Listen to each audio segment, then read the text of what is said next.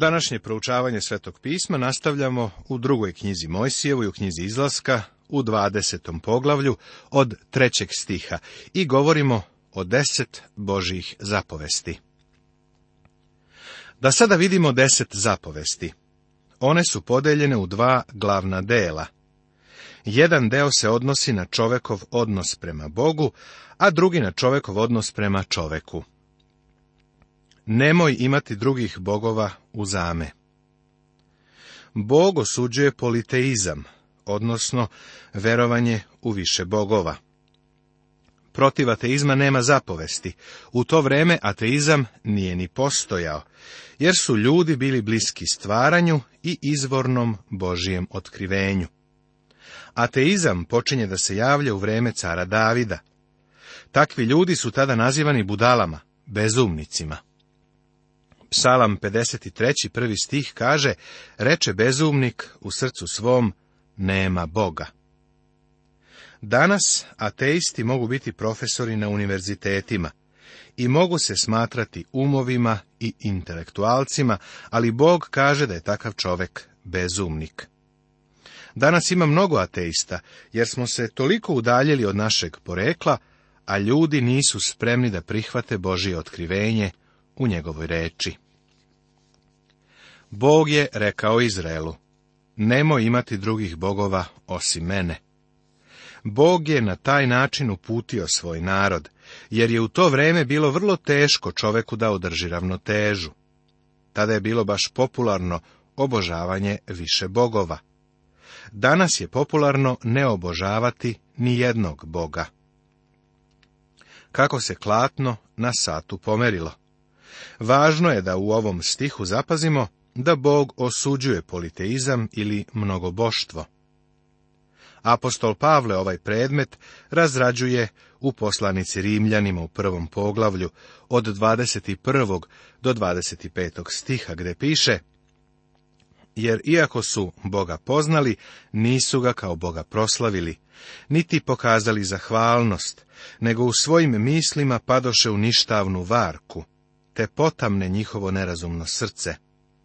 Postali su ludi govoreći da su mudri, pa zameniše slavu besmrtnoga Boga slikom i prilikom smrtnog čoveka i ptica i četveronožnih životinja i gmizavaca. Bog ih je zato sa prohtevima njihovih srca predao u nečistotu, da međusobno obeščašćuju svoja celesa. Oni koji su lažiju zamenili Božju istinu, poštovali i klanjali se tvorevini umjesto tvorcu, koji je blagosloven doveka. Amin. Ne gradi sebi lika rezana, niti kakve slike, od onoga što je gore na nebu, ili dole na zemlji, ili u vodi, ispod zemlje. Nemoj im se klanjati niti im služiti, jer sam ja, gospod Bog tvoj, Bog revnitelj, koji pohodim grehe otačke na sinovima do trećega i do četvrtoga kolena, onih koji mrze na mene. Možda neki ljudi smatraju da se ovaj odeljak ne odnosi na današnje vrijeme. Poslanica Kološanima, treće poglavlje, peti stih nam kažu da je lakomstvo idolopoklonstvo bilo šta čemu se predaš, posebno ako je neobuzdano, postaje tvoj bog. Mnogi ne obožavaju Baha, na primjer, grčko-rimskog boga sa papcima, boga vina, koji je od davnina obožavan. Još je poznati kao Bahus, ali obožavaju flašu. U našoj zemlji u Americi postoje milioni alkoholičara. Ljudi koji se bave alkoholom vole da pričaju o tome kolike poreze plaćaju. A u stvari ne plaćaju ni delić računa za nesrećne slučajeve koje izaziva njihov proizvod. Tako mnogo propagande je usmereno na ovu novu generaciju, a velikim grupama ljudi je mozak prosto ispran. Bez obzira na to da li to narod uviđa ili ne, oni se klanjaju bogu Bahusu. Drugi opet obožavaju Afroditu, boginju seksa neki se klanjaju novcu. Sve ono čemu podariš svoje vreme, srce i dušu, postaje tvoj Bog. Gospod Bog kaže da osim njega ne smemo imati drugih bogova. Ne uzimaj u zalud imena gospoda Boga svojega, jer neće pred gospodom biti prav ko uzme ime njegovo u zalud. Uzimati ime gospodnje u zalud ima značenje u smislu bogohuljenja. Ovo je u našem vremenu vrlo rasprostranjeno. Ali Božja zapovest se nikada nije promenila. Pogrešno je u zalud spominjati ili upotrebljavati ime gospodnje, jer on je Bog i on je svet. Ovo nam također otkriva i nedostatak u govoru, u rečniku. Mnogi ljudi ne uspevaju da se izražavaju bez upotrebe psovki. Jedan čovek u Teksasu, koji je pre nekoliko godina na divan način doživao spasenje, jednom mi je rekao, kada sam se obratio, izgubio sam oko polovine moga rečnika. Mislio je baš na ovo o čemu govorimo. A sada četvrta zapovest. Sećaj se dana od odmora da ga svetkuješ. Šest dana radi i svršuj sve poslove svoje a sedmi dan je odmor gospodu Bogu tvojemu. Tada nemoj raditi ni jednog posla, ni ti, ni sin tvoj, ni čerka tvoja, ni sluga tvoj, ni sluškinja tvoja, ni živinče tvoje, ni stranac koji je među vratima tvojim. Jer je za šest dana stvorio gospod nebo i zemlju, more i što je god u njima, a u sedmi dan počinu. Zato je blagoslovio gospod dan od odmora i posvetio ga. Subotnji dan, šabat, bio je dan izraelskom narodu, na vrlo neobičan način. Bio je to zavet izrečen između Boga i Izraelaca. To ćemo vidjeti u drugoj knjizi Mojsijevoj u 31. poglavlju. Po mom mišljenju, precizan dan nije od značaja. Nakon svega kalendarske promjene su onemogućile da pouzdano znamo da li je sedmi dan naša subota ili ne. Ja mislim da nije, ali to je sporedna stvar, jer bar što se nas tiče, nema nikakve veze koji dan držimo.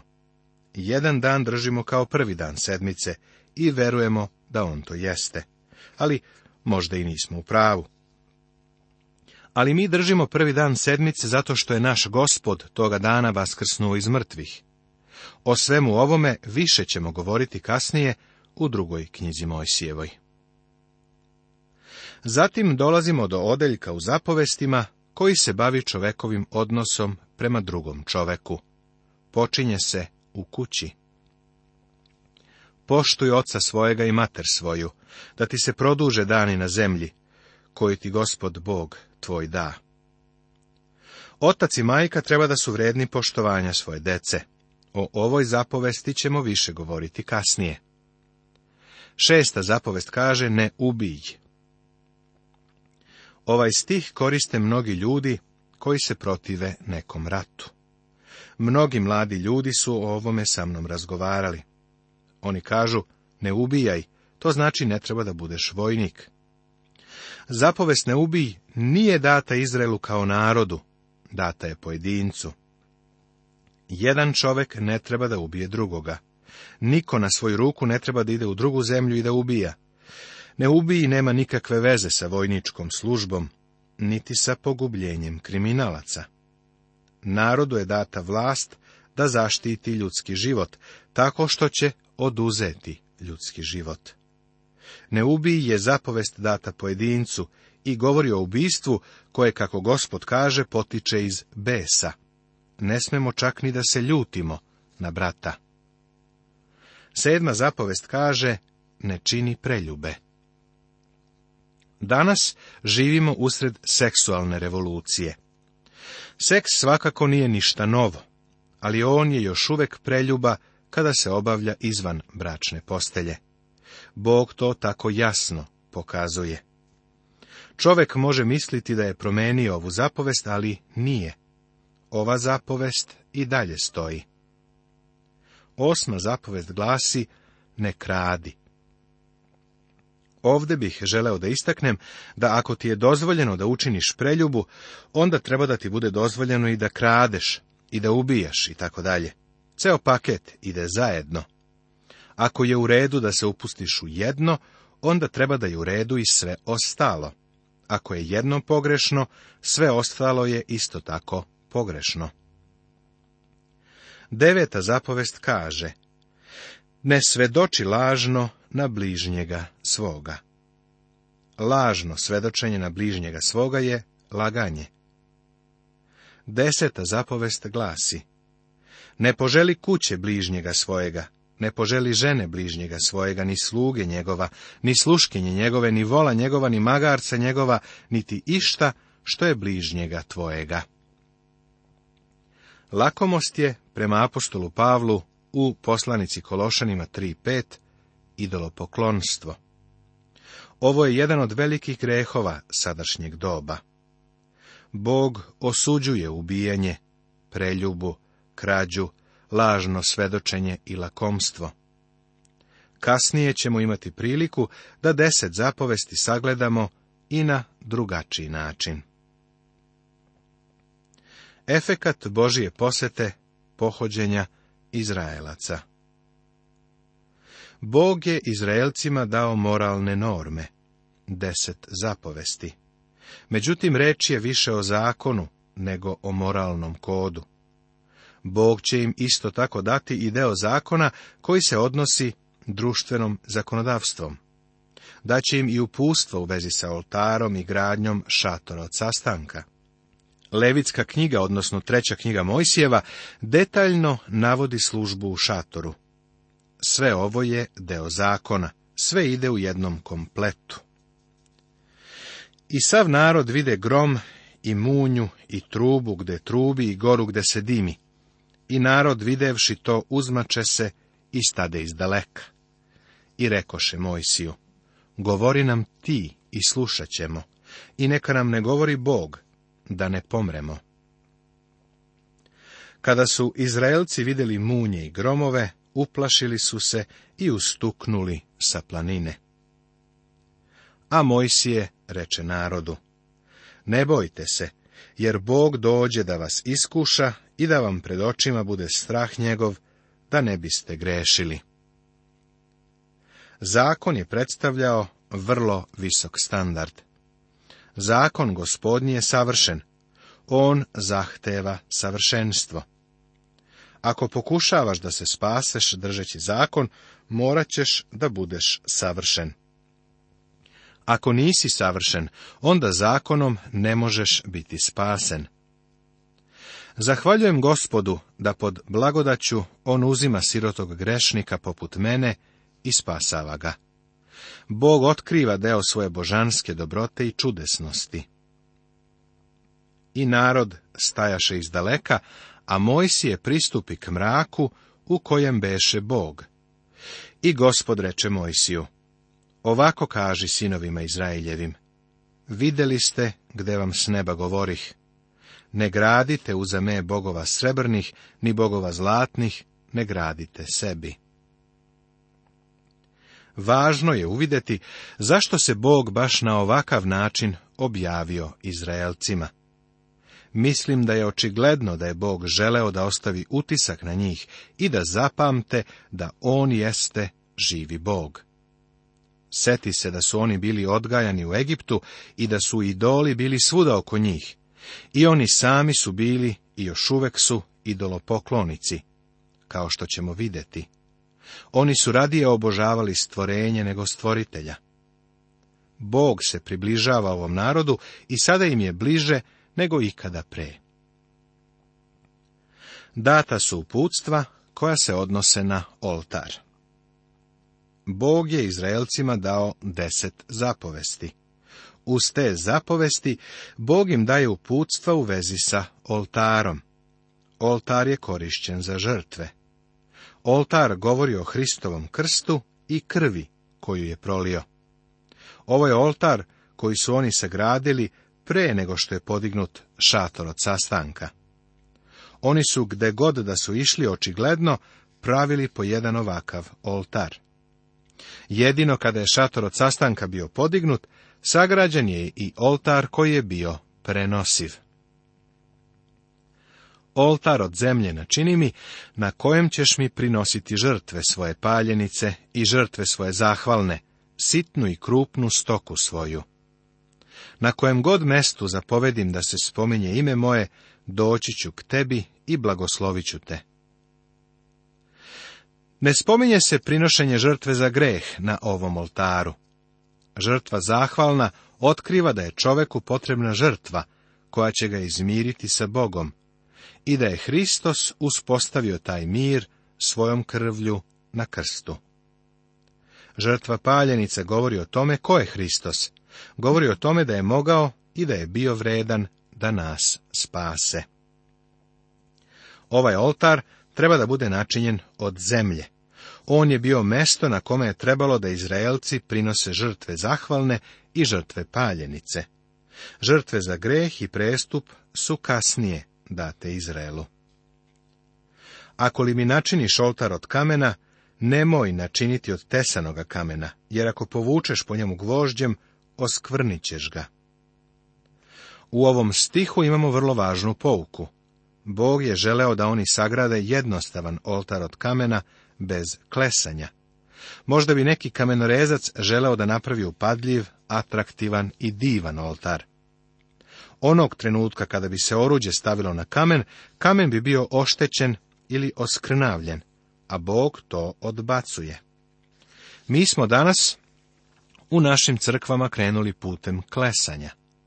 Došli smo do mesta kada smatramo da sve što je povezano sa slavljenjem Boga treba da bude lepo.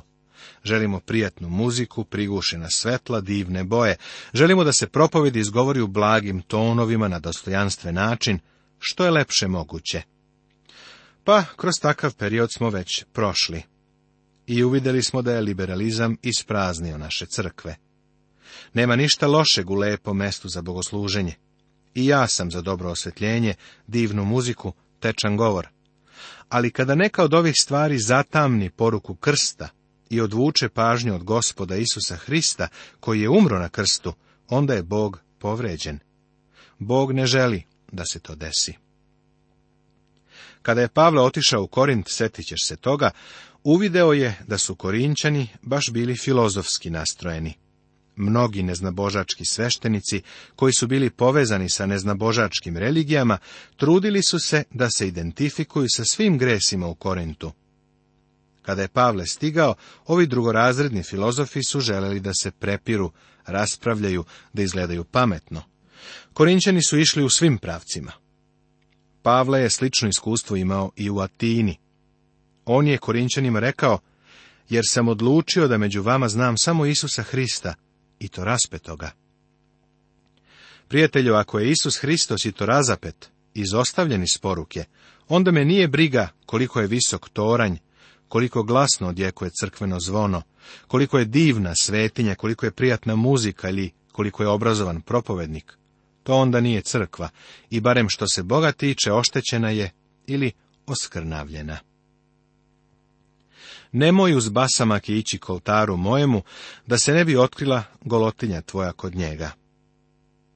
Mnogi ljudi bi želeli da do oltara sagrade divne stepenice. To bi bilo tako prirodno.